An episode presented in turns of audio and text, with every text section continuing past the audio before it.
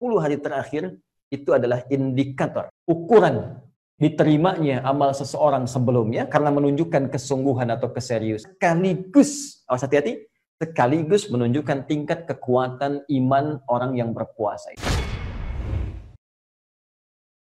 Ada apa di hari-hari terakhir Ramadan ini?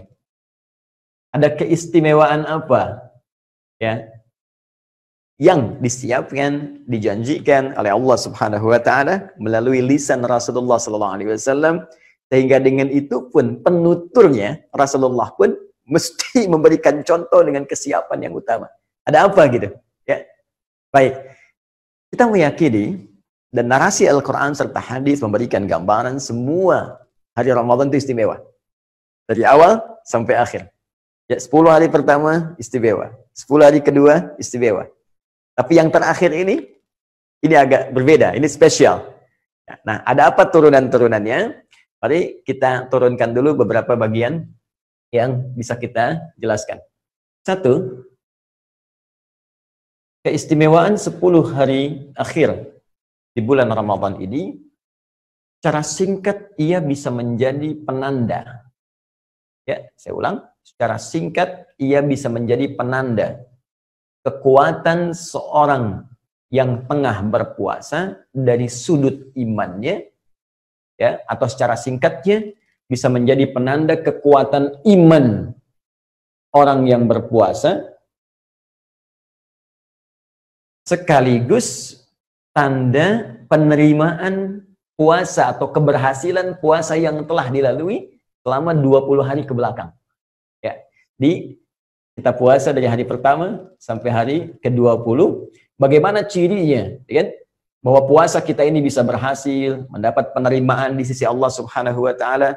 Ini kaidah kaidah terima ini penting, teman-teman, ya. Kaidah penerimaan ini penting karena saya, saya mohon maaf sebesar-besarnya. Kita kan nggak tahu nih. Dari dari sekian amal yang kita kumpulkan itu, dari sekian sholat yang kita tunaikan, berapa yang Allah terima? Ya, dari sekian baca Quran yang kita bacakan, berapa yang Allah terima? Nah, kaidah diterima ini sangat penting. Bahkan sampai Nabi pun itu setiap selesai sholat. Disebutkan di hadis riwayat Ibnu Majah. Nomor hadis 925. Itu sampai bermohon kepada Allah supaya amalnya diterima. Ya. Nabi berdoa, Allahumma inni as'aluka ilman nafi'a wa rizqan tayyiba wa amalan mutaqabbala. Ya Allah, mohon anugerahkan padaku, aku minta ilmu yang bermanfaat, rizki yang berkah dan mohon terima amalku. Ya, Nabi Ibrahim, Nabi Ismail selesai membangun Ka'bah, itu belum tahu. Ya, ketika beliau meninggikan Ka'bah yang hancur atasnya di masa Nabi Nuh itu saat banjir besar, itu begitu selesai meninggikan, beliau nggak tahu diterima nggak gitu. Kemudian berdoa. Ya, doanya diabadikan di Quran surah kedua Al-Baqarah ayat 127. Ya, paling kiri sebelah atas di mushaf. Wa idh yarfa'u Ibrahimul qawa'ida minal baiti wa Ismail Keduanya berdoa, Rabbana taqabbal minna innaka antas alim. Kata beliau berdoa, ya Allah, mohon terima amalan kami. Engkau maha mendengar, engkau maha mengetahui kesungguhan kami dalam beramal, ya Allah. Maka demi zatmu yang maha mendengar keadaan kami dan mengetahui kesungguhan kami dalam ibadah membangun, meninggikan Ka'bah ini, mohon terima amalan. Entah siapa kita dibandingkan Nabi Ibrahim yang Khalilullah. Ya, yang Ismail, Abul Anbiya, termasuk kakek moyang Nabi Muhammad SAW. Siapa kita dibanding Rasulullah? Dan dari mana kita tahu bahwa puasa kita sampai hari ke-17 ini pun diterima oleh Allah? Maka salah satunya indikatornya itu bisa terlihat pertama ketika akan masuk ke sini. 10 hari terakhir. Ya. Biasanya begini. Biasanya uh, ulama mengilustrasikan dengan membuat lintasan. Ya, dalam perlombaan seperti misalnya balap mobil kan atau motor ada lap kan? Ya, atau berlari misalnya maraton deh. Biasanya kan kalau lap-lap terakhir itu orang makin kencang kan? Ya? Makin serius, makin sungguh-sungguh. Kenapa? Karena dia kumpulkan bekal di awal-awal untuk menjemput sesuatu yang penting di akhir. Nah, perlu kita garis bawahi, di dalam Al-Quran, penanda kesungguhan seseorang untuk beramal soleh, itu iman. Ini. Di penanda kesungguhan seseorang, ya ditunjukkannya seseorang itu kuat amalannya, bagus amalnya, banyak amal solehnya, itu iman. Ya, karena itu kalimat iman dalam Al-Quran itu sering kali disandingkan dengan amal soleh. Ya, seperti uh, surah 103 misalnya. Ya. Wal 'asr. Innal insana lafi khusr illa alladziina amanu iman ya. Kemudian wa 'amilus salihat. Ya, disandingkan dengan amal saleh. Kan baik-baik rumusnya? Iman tersanding dengan amal saleh. Baik, bahkan dalam ayat puasa di Quran surah kedua Al-Baqarah di ayat 183 kalimat puasa, kewajiban puasa itu bentuk amal soleh, turunannya nanti ada salat, Al-Baqarah misalnya ayat ke tiga ada puasa, Al-Baqarah ayat 183 ke sini. Ya, kalimat kewajiban puasa, kutiba alaikumusiyam, bukankah dibuka juga dengan kalimat iman? Ya. Ya ayyuhalladzina amanu. Hai semua orang-orang beriman. Baru muncul perintah. Ya kutiba alaikumus. Ya. Kalau rumus persamaan ini dibalik, ya artinya ketika ada orang-orang banyak meningkatkan amal solehnya, ini ditingkatkan, ini menunjukkan kadar iman yang kuat di hadapan Allah Subhanahu wa taala. Rumus ini ditemukan di hadis Nabi, dikumpulkan oleh Al-Imam Al-Bukhari dalam kitabnya Sahih Al-Bukhari ya di pembahasan yang kedua Kitabul Iman. Baik, bab pembahasan tentang iman. Di situ beliau mengutip kalimat Nabi SAW, Al-imanu yazidu wa yantaqis. Iman itu bisa kelihatan kuat, bisa juga nampak turun, melemah. Yazidu bitta'ah. Dia bisa naik, meningkat dengan mengerjakan ketaatan dalam bentuk amal soleh. Ini rumusnya. Jadi kata Nabi, kalau seseorang amal soleh itu meningkat, semakin kuat, semakin serius, ini tandanya imannya sedang kuat.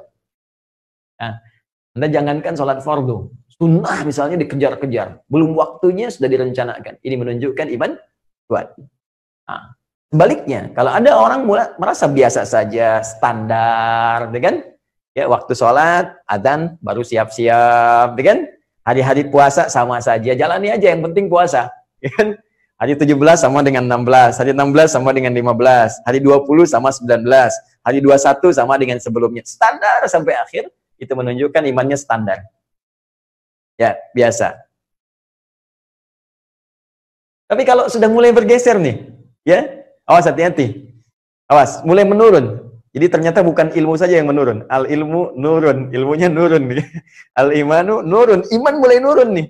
Eh, mulai lemah. Apa di antara tandanya? Ah, sudah malas nih dengan puasa. Ya baru sahur udah lihat kapan buka. udah persiapan mau kelebaran aja. Tadi nggak ada hasrat untuk menunaikan puasanya. Itikaf sudah nggak ada selera, biasa saja gitu, ya. Nah, ini menunjukkan ada kelemahan dalam imannya. Karena itu, ini keistimewaan 10 hari terakhir ditandai oleh para ulama merujuk pada keterangan-keterangan Al-Quran dan hadis-hadis Nabi Sallallahu Alaihi Wasallam. 10 hari terakhir itu adalah indikator tingkat ya ukuran diterimanya amal seseorang sebelumnya karena menunjukkan kesungguhan atau keseriusannya ya, sekaligus awas hati-hati sekaligus menunjukkan tingkat kekuatan iman orang yang berpuasa itu. Dasarnya tadi kembali ke sini. Karena itu, rumusnya bagaimana? Rumusnya jangan dihukumi dulu yang belum terjadi. Jadi kalau yang belum terjadi itu jangan dibawa hukum, keliru. Yang belum terjadi itu kalau kita sampai ke sana disiapkan dengan persiapan maksimal untuk membuktikan kepada Allah, ya Allah, saya ingin buktikan iman saya kuat ya Allah. Saya ingin berusaha supaya amal saya diterima. Itu yang dicontohkan Nabi tadi di hadis yang saya uraikan. Jadi beliau sendiri ingin membuktikan kepada Allah imannya itu lebih kuat dari sebelumnya. Beliau ingin buktikan bahwa puasa-puasa kemarin beliau sungguh-sungguh. Karena itu mumpung masih hari ke-17, Ya, jangan kita nilai, aduh saya kayaknya gagal nih. Aduh saya kayaknya kurang nih. Tidak, tidak. Cara berpikirnya kita buktikan kepada Allah Subhanahu wa taala dengan kesempatan yang Allah berikan kepada kita. Ya Allah, saya ingin berhasil puasanya nih. Saya ingin kuat imannya nih. Saya ingin diterima puasa saya yang sebelum-sebelumnya. Maka jelang ke 10 hari terakhir, kita nanti harus punya persiapan-persiapan. Nanti di bagian ketiga kita bahas persiapan apa yang bisa mencharge iman kita di hari-hari sebelum 10 hari terakhir sehingga punya motivasi kuat untuk menunaikan ibadah maksimal di 10 hari terakhir. Baik, ini satu. Oke. Jadi pahami ya, teman-teman ya.